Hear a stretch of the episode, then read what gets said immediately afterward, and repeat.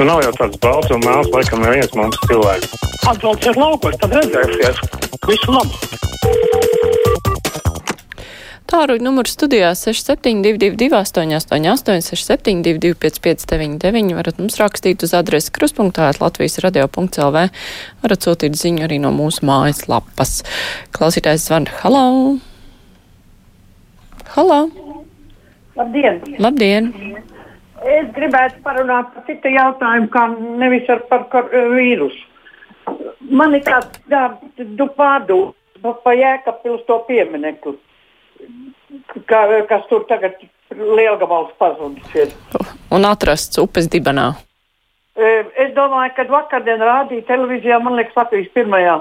Krievijā nojauc latviešu strēlniekiem, jo tautai nepatika.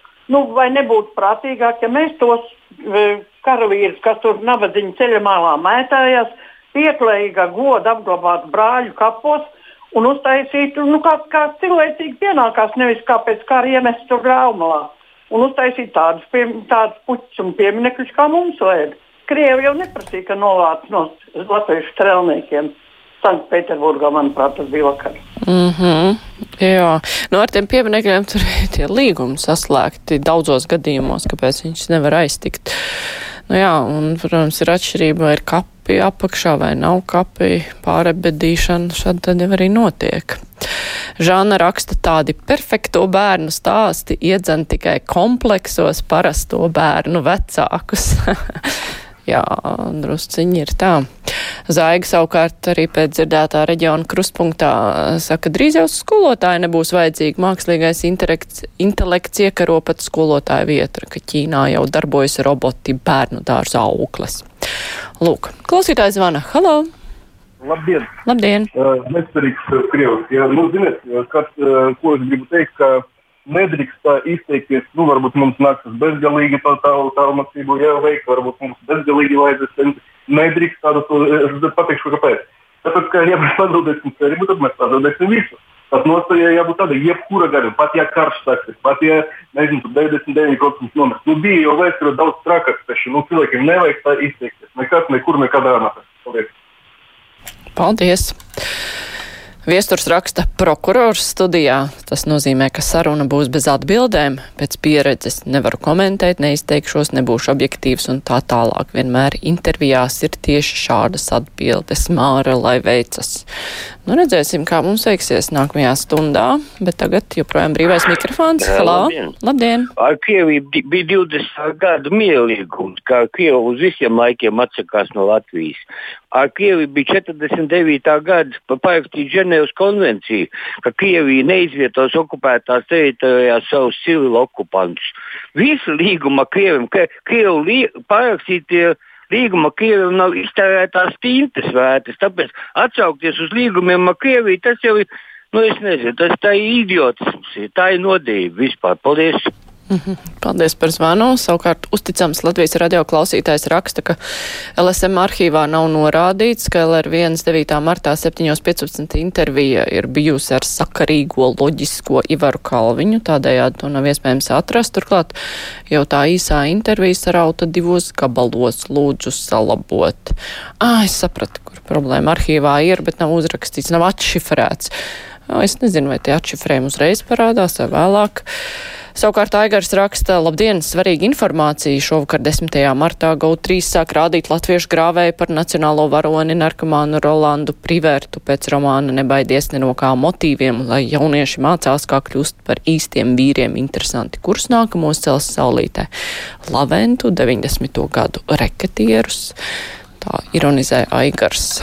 Klausītājs zvana. Halo! Nu, labdien! Labdien! Man te ir pretenzijas pēc Latvijas Rādio 2. Jūs tur iedot kādu atbildi. Pirmdienas ietāts no pamatiem līdz jumtiem Juris Biršs un Ines Vad.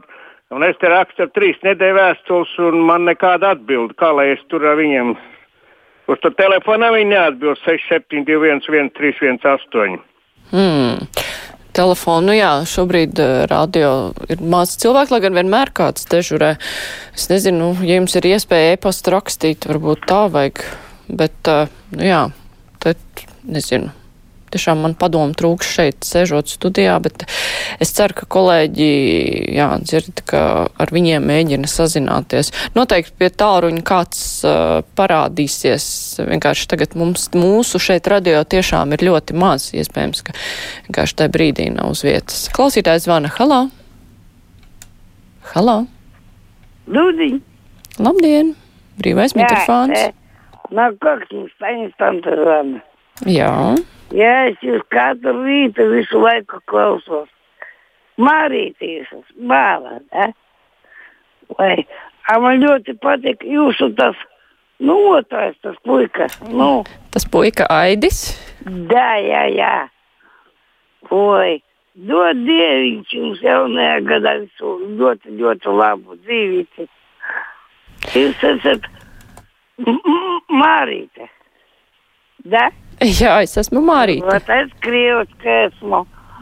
Un klausos jūsu pārraidi. Katru rītu. Jā, paldies. Nu, turpiniet klausīties. No rītiem gan mūs neskanām. No rīta ir kolēģi labrītā, bet mēs skanām tagad uh, no pusvieniem līdz diviem. Pēc tam vakarā var atkārtojumu dzirdēt. Paldies, prieks, ka jums patīk. Klausītājs zvana halā. Nu, labdien! Labdien! Tomēr manas aizdomas par to astru apliecinās, kad viņas izrazas. Un tagad arī pienāca tā galvenā Amerikas vakcīna, to patur Rīgā uz reģioniem tikai to astru štatā. Tātad to miljonu portēšanai cilvēku ar astru nedabūs. Mm -hmm. Nu, reka, klausītājs Kārlis ar raksta, ka Juhņevičs no rīta intervijā pateica, ka mana vakcīnā vēl reģistrējušies 153 tūkstoši vakcinācijai, kolektīvai imunitātei vajag kādus pusotru miljonu iedzīvotājus. Lien Cipula nesen pateica, ka puse darbinieki ir vakcinēti, tad otra puse NMPD darbinieki nemaz negrib vakcinēties, tad jau arī iedzīvotāji puse gribēs, puse negribēs. Jā, valveiksmi Juhņevičai, lai viņi izdodas pārliecināt tik daudz miljonus cilvēkus vakcinēties nu, Latvijā miljonus varbūt nevajag pārliecināt, bet, nu, miljonam vajadzētu, jā, vakcinēties. Klausītājs zvana, halā! Pārslēdz Latvijas politiķu divkosību ar nespēju sagādāt Covid vakcīnas kaut vai no Krievijas.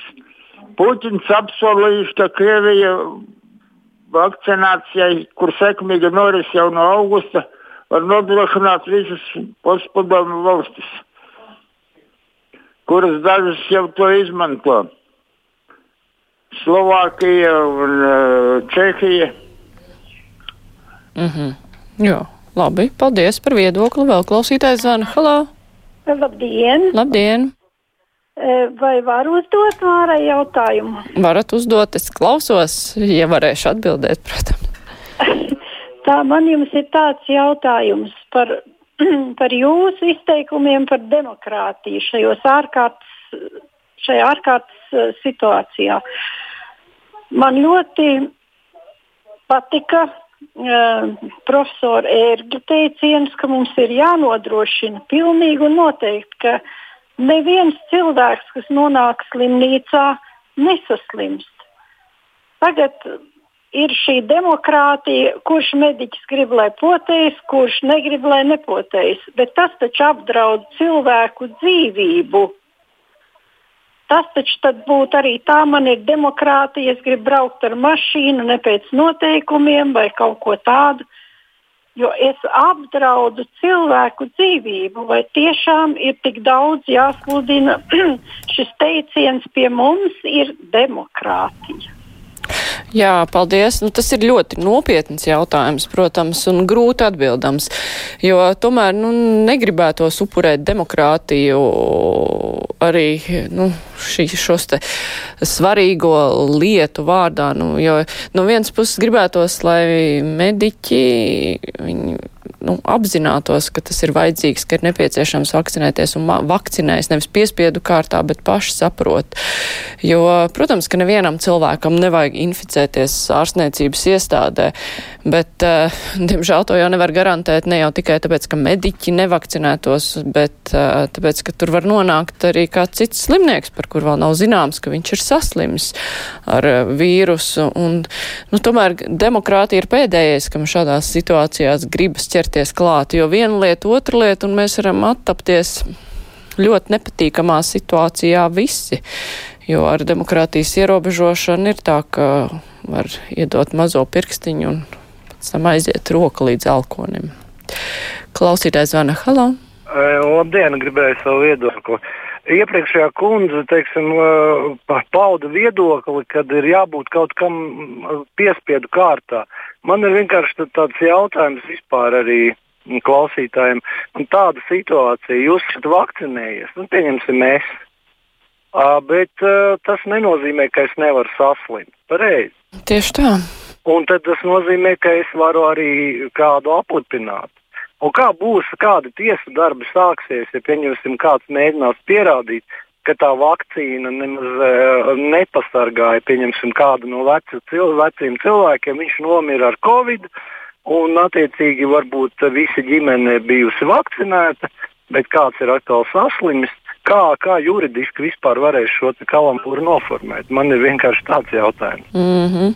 nu, jā, nu, es nezinu, vai tur kādreiz aizies līdz tādām tiesu lietām, bet, jā, bet jāatceras, ka vakcīna, nu, vismaz līdzinējie pētījumi rāda, ka pasargā no smagas saslimšanas, un tas ir atbalsts veselības aprūpas sistēmai, un arī, nu, ir dzirdēts, ka tomēr mazāk pārnēsā un ka tas palīdzēs kopumā ierobežot saslimstību, bet tā nav panacēja, lai cilvēks nesaslimt nemaz un nevarētu nevienu inf inficēt.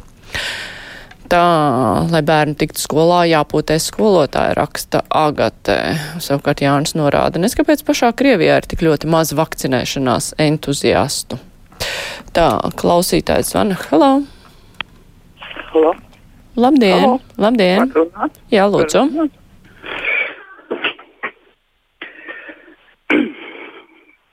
Jā, mēs klausāmies uzmanīgi. Labdien. Labdien.